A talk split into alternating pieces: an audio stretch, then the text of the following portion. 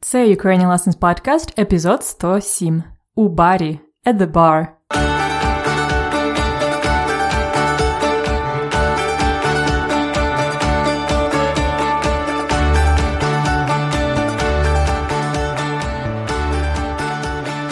Привіт! Мене звати Анна. Я вчителька української мови, і ви слухаєте мій подкаст Уроки української. Це останній урок цієї зими, тому що наступний епізод буде вже у березні. Хоча зимова погода в Україні може тривати аж до квітня. Минулого разу на подкасті Христина і Леся, дві подруги і співмешканки, говорили про те, куди можна було б піти на вихідних. У них було три варіанти: корейське кіно, опера або концерт у барі. Вони вибрали останнє, тому що там будуть виступати знайомі Лесі. Тож сьогодні ви зможете побувати на концерті в Києві. Ви послухаєте, про що будуть говорити Леся з Христиною і кого вони там зустрінуть. Далі ми поговоримо з вами про особливу частину мови дієприслівник. Також будуть і наші традиційні рубрики. То ви готові починати урок? First, a quick intro in English too. As I've said in Ukrainian, this is the last episode this winter, because the next lesson will be in Berezень, March. However, the winter weather can last until April in Ukraine. Last time on the podcast, Lesia and Christina were discussing where they could go over the weekend. They had some good options and they had chosen to go to the concert because там будуть виступати друзі Лесі. Friends of Lesia will be performing there. So today you will have a chance to feel like you are at the concert in Kyiv, as our today's conversation will be right there. Then we will be talking about a special part of speech in Ukrainian дієприслівник, the adverbial participle. То ви готові починати урок?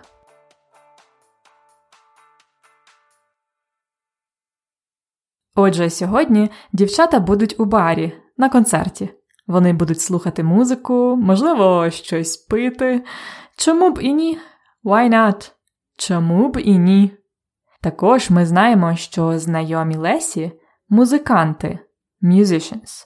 Це вони будуть грати на концерті. Музиканти. Вони будуть грати play music. Просто грати. Одного з її знайомих звати Юрко. Ви почуєте його сьогодні в діалозі. Тож послухайте, будь ласка, розмову в барі і знайдіть відповідь на запитання, про що домовляються Юрко і Христина? What do Юрко and Христина домовляються? Agree on. Про що домовляються Юрко і Христина? Слухайте.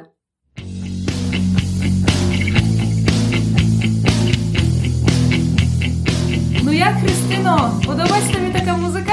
Так, дуже класно. Он той хлопець, бас-гітарист. Це наш з Орестом добрий знайомий. Я тобі про нього розповідала. Ми разом ходили в похід. Хочеш, я вас познайомлю? Добре, чому б і ні?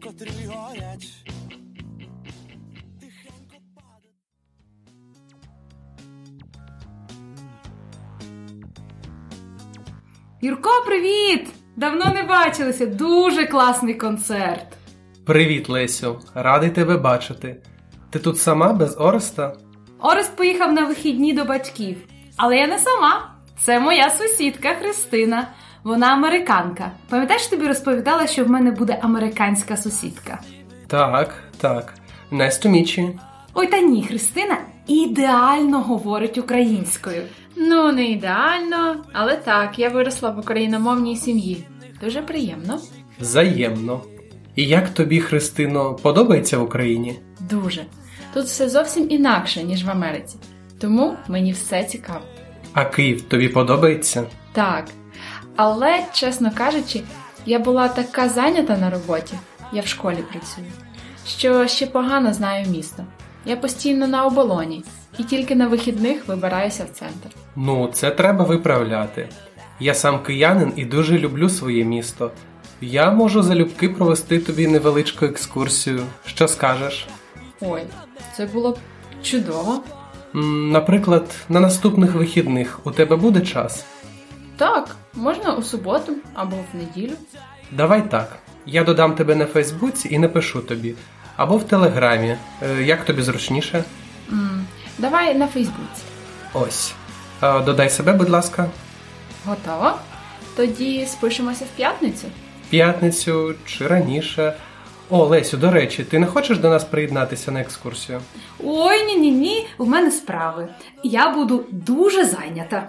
Ну, добре тоді. Дівчата, мені треба повертатися на сцену. Е, Можливо, ще посидимо разом після концерту. Звичайно, ми будемо тут. Так, Христино? Думаю, так. Ще раз радий знайомству. Я теж.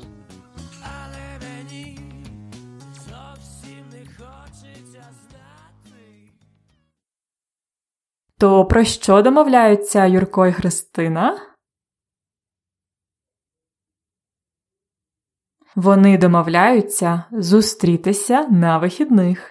Юрко проведе Христині невеличку екскурсію. Юрко will give Христина a small tour in Kyiv. Вони домовляються зустрітися на вихідних. Юрко проведе Христині невеличку екскурсію. А на початку діалогу ми чули, як Христина і Леся сиділи у барі і слухали концерт. Христині подобається музика. Вона каже, дуже класна. А Леся пропонує познайомити Христину зі своїм другом, який у цій групі бас-гітарист, a bassist, бас-гітарист. Христина каже, чому б і ні? Why not? Чому б і ні? Під час перерви Леся підходить до свого друга Юрія, тобто Юрка, і знайомить його з Христиною. Юркові цікаво, чи подобається Христині в Україні. Вона каже так, але, на жаль, вона була така зайнята на роботі в школі, що ще погано знає Київ. Христина каже: Я тільки на вихідних вибираюся в центр. I can only get to the center over the weekend. Вибиратися to manage to get to, to manage to get out also. Христина тільки на вихідних вибирається в центр.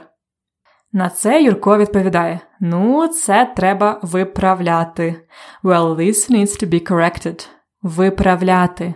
To correct. To change. Виправляти.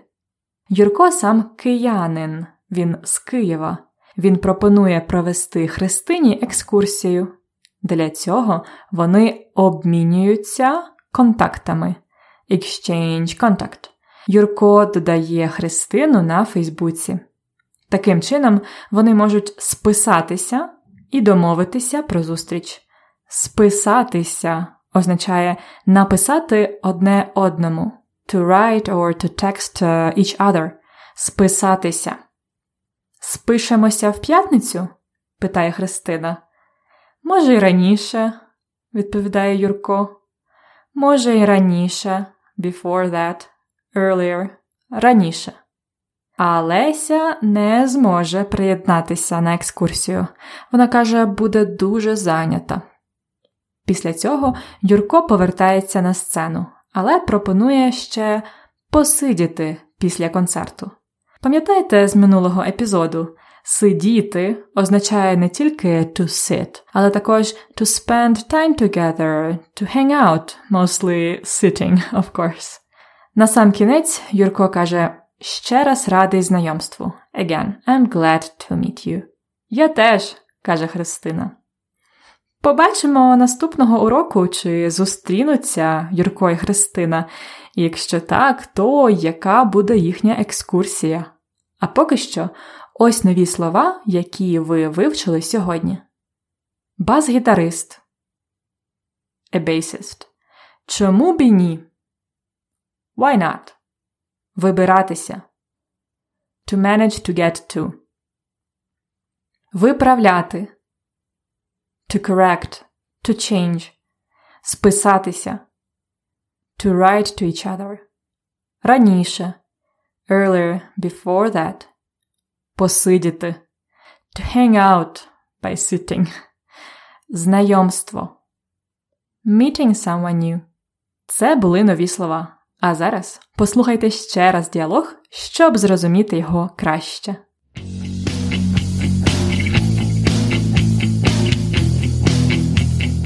Ну як, Христино, подобається тобі така музика? Так, дуже класно. Он той хлопець, бас-гітарист. Це наш з Орестом добрий знайомий. Я тобі про нього розповідала. Ми разом ходили в похід. Хочеш, я вас познайомлю? Добре, чому б і ні?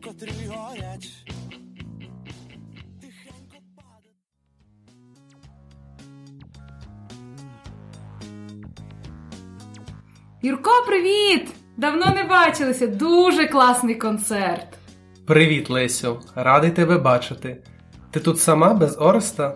Орест поїхав на вихідні до батьків. Але я не сама. Це моя сусідка Христина. Вона американка. Пам'ятаєш, тобі розповідала, що в мене буде американська сусідка? Так, так. Nice to meet you. Ой, та ні, Христина ідеально говорить українською. Ну, не ідеально, але так, я виросла в україномовній сім'ї. Дуже приємно. Взаємно. І як тобі, Христино, подобається в Україні? Дуже. Тут все зовсім інакше, ніж в Америці. Тому мені все цікаво. А Київ тобі подобається? Так. Але, чесно кажучи, я була така зайнята на роботі, я в школі працюю, що ще погано знаю місто. Я постійно на оболоні і тільки на вихідних вибираюся в центр. Ну, це треба виправляти. Я сам киянин і дуже люблю своє місто. Я можу залюбки провести тобі невеличку екскурсію. Що скажеш? Ой, це було б чудово. Наприклад, на наступних вихідних у тебе буде час? Так, можна у суботу або в неділю. Давай так. Я додам тебе на Фейсбуці і напишу тобі.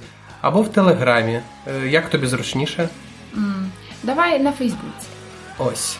Е, Додай себе, будь ласка. Готово? Тоді спишемося в п'ятницю. П'ятницю чи раніше. О, Лесю, до речі, ти не хочеш до нас приєднатися на екскурсію? Ой, ні, ні, ні, в мене справи. Я буду дуже зайнята. Ну, добре тоді. Дівчата, мені треба повертатися на сцену. Е, Можливо, ще посидимо разом після концерту. Звичайно, ми будемо тут. Так, Христино? М, Думаю, так. Ще раз радий знайомству. Я теж. The music you've heard at the beginning of the dialogue is a Ukrainian band called Creeptex. This song is called Чортове колесо. And the music from the second part is Океан Ельзи, Kishka. Now, as promised, I would like to introduce a special Ukrainian part of speech to you. It's called дієприслівник. So it's like дієслово плюс прислівник. Дієприслівник. A verb plus an adverb. In English, it's called an adverbial participle. It's a very smart term, I know. So let's get some examples and see what it's all about. Have a listen to a single дієприслівник in the dialogue. Але, чесно кажучи, я була така зайнята на роботі, я в школі працюю, що ще погано знаю місто. Але чесно кажучи, to be honest, я була така зайнята на роботі, що ще погано знаю місто. I've been so busy at work that I don't know the city well yet. Чесно кажучи, to be honest. Кажучи is дієприслівник. Кажучи is formed from казати, to say. So, кажучи, something like a gerund, saying, telling, кажучи. Дієприслівник означає додаткову дію або стан. This adverbial participle дієприслівник means an additional action or state. І він відповідає на запитання, що роблячи, що зробивши. It uh, answers the questions doing what, having done what. We don't use uh, дієприслівники too much in the conversations, but quite a lot in written. They are not too difficult to form. You can easily make them from the verbs. Now I will tell you a couple of sentences about Lesia and Христина using дієприслівники.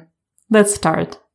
Христина і Леся пили безалкогольні мохіто, слухаючи музику в барі.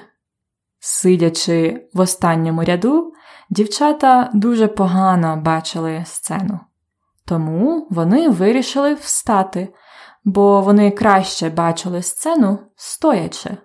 Побачивши свого знайомого, Леся вирішила познайомити з ним Христину. Добре, тепер sentence by sentence. Христина та Леся пили безалкогольні мохіто, слухаючи музику в барі. Христина and Lesia were drinking non-alcoholic mojitos, listening to the music in the bar. Слухаючи from слухати. Because this is the first conjugation, the ending is учи, ючи. Just like in the first conjugation of вони. Вони слухають. Слухаючи. The same читати, читаючи. Слухаючи, читаючи. Далі. Сидячи в останньому ряду, дівчата дуже погано бачили сцену. Sitting or being in the last row, girls didn't see the stage well. Сидячи from сидіти. This is a second conjugation. The ending is ячи, just like сидять, сидячи. Тому вони вирішили встати, бо вони краще бачили сцену стоячи. That's why they decided to stand up, because they could see the stage better standing. Стоячи from стояти. This is a second conjugation again. The ending is again ячи. Стоячи. So, the first conjugation дієприслівники учи, ючи, слухаючи, читаючи. The second conjugation ачи, ячи, стоячи, бачачи, сидячи. And uh, these were the imperfective verbs. Uh, the adverbial participles formed from the perfective verbs will be in the past tense, like having done that, I did that. So, побачивши свого знайомого, Леся вирішила познайомити з ним Христину. Having seen her friend, or after she had seen her friend, Lesa decided to introduce Христина to him. Побачивши свого знайомого. This would be somewhat a, an action in the past. Побачивши, because it's from perfective verb. Побачити. The ending for the perfective verbs is вши, зрозумівши, послухавши, прочитавши і так далі. Просто. А тепер послухайте ще раз всі речення. Христина та Леся пили безалкогольні мохіто, слухаючи музику в барі. Сидячи в останньому ряду, дівчата дуже погано бачили сцену, тому вони вирішили встати, бо вони краще бачили сцену стоячи. Побачивши свого знайомого, Леся вирішила познайомити з ним Христину. So, you don't have to use uh, those дієприслівники a lot in your conversations, but if you would like to read and write some smart texts in Ukrainian, you should be familiar with them. As always, you can find a detailed chart and an exercise for your practice in our PDF lesson notes.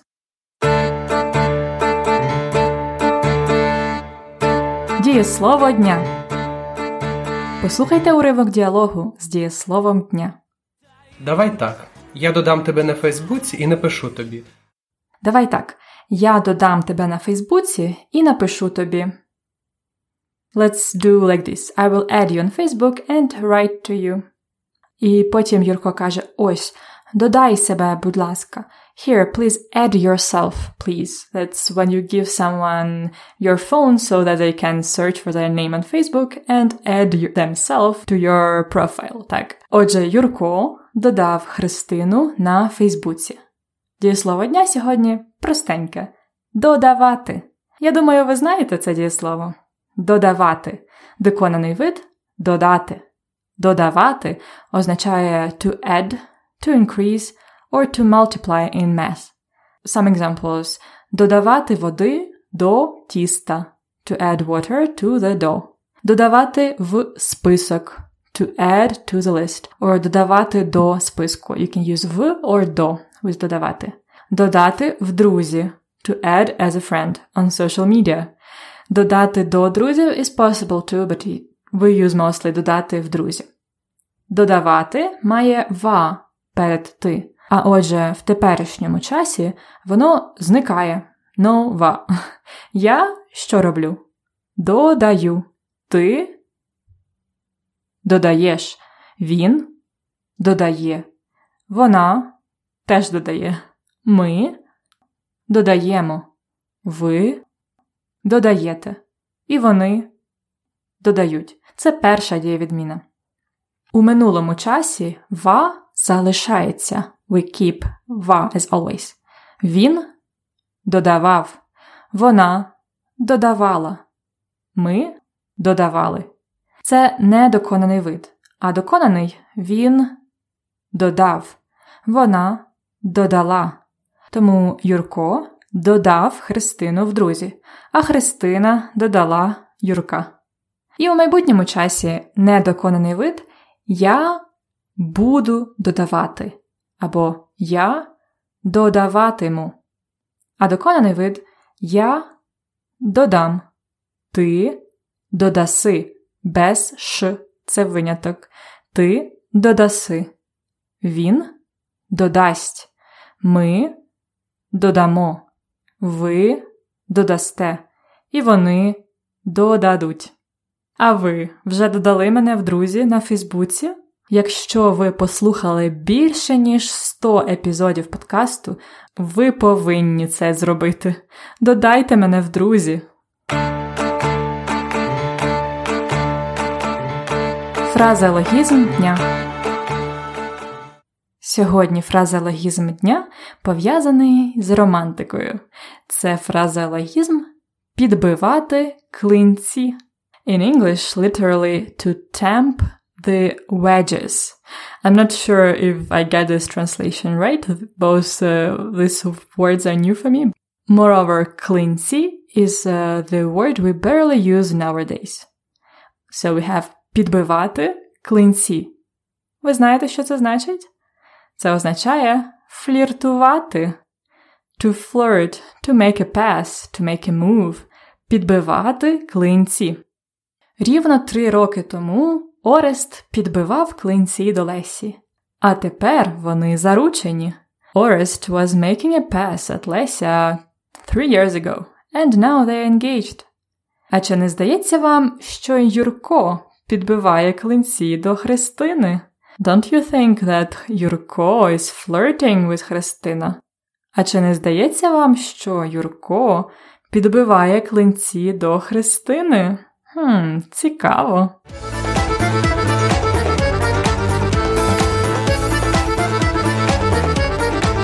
Культурний факт на подкасті.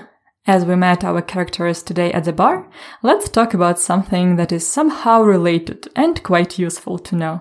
Should you tip in Ukraine at the bars and restaurants?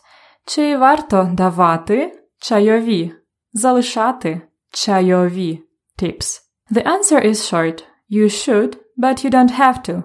A couple of examples. If the service was fine at a restaurant or a bar, leave 10% or a bit more. Ukrainian waiters usually work for a small monthly salary and, ex- and have tips as extra as well. If the service was amazing, higher than your expectations, and you have money to leave more, tip more. 15, 20% or more. However, if you don't have small bills with you or you wish to pay by card and you don't have smaller bills again, no tip is also okay. Don't worry.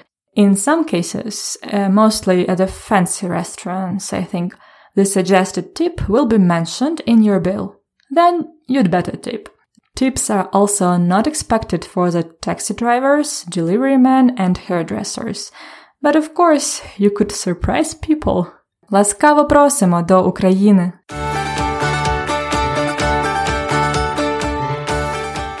І це все на сьогодні. Наступного уроку більше розмов українською, більше граматики, нових слів і культурних фактів. Закінчуючи цей урок, угу, хочу сказати вам дякую за те, що слухаєте мене та наших персонажів. Ви вивчаєте українську мову, а таких людей небагато, тому ви класні. If you would like to become a premium member to receive our lesson notes weekly, check out the details at ukrainianlessons.com slash episode 107 ukrainianlessons.com slash episode 107 Приємного вам дня чи вечора. До наступного уроку. Па-па!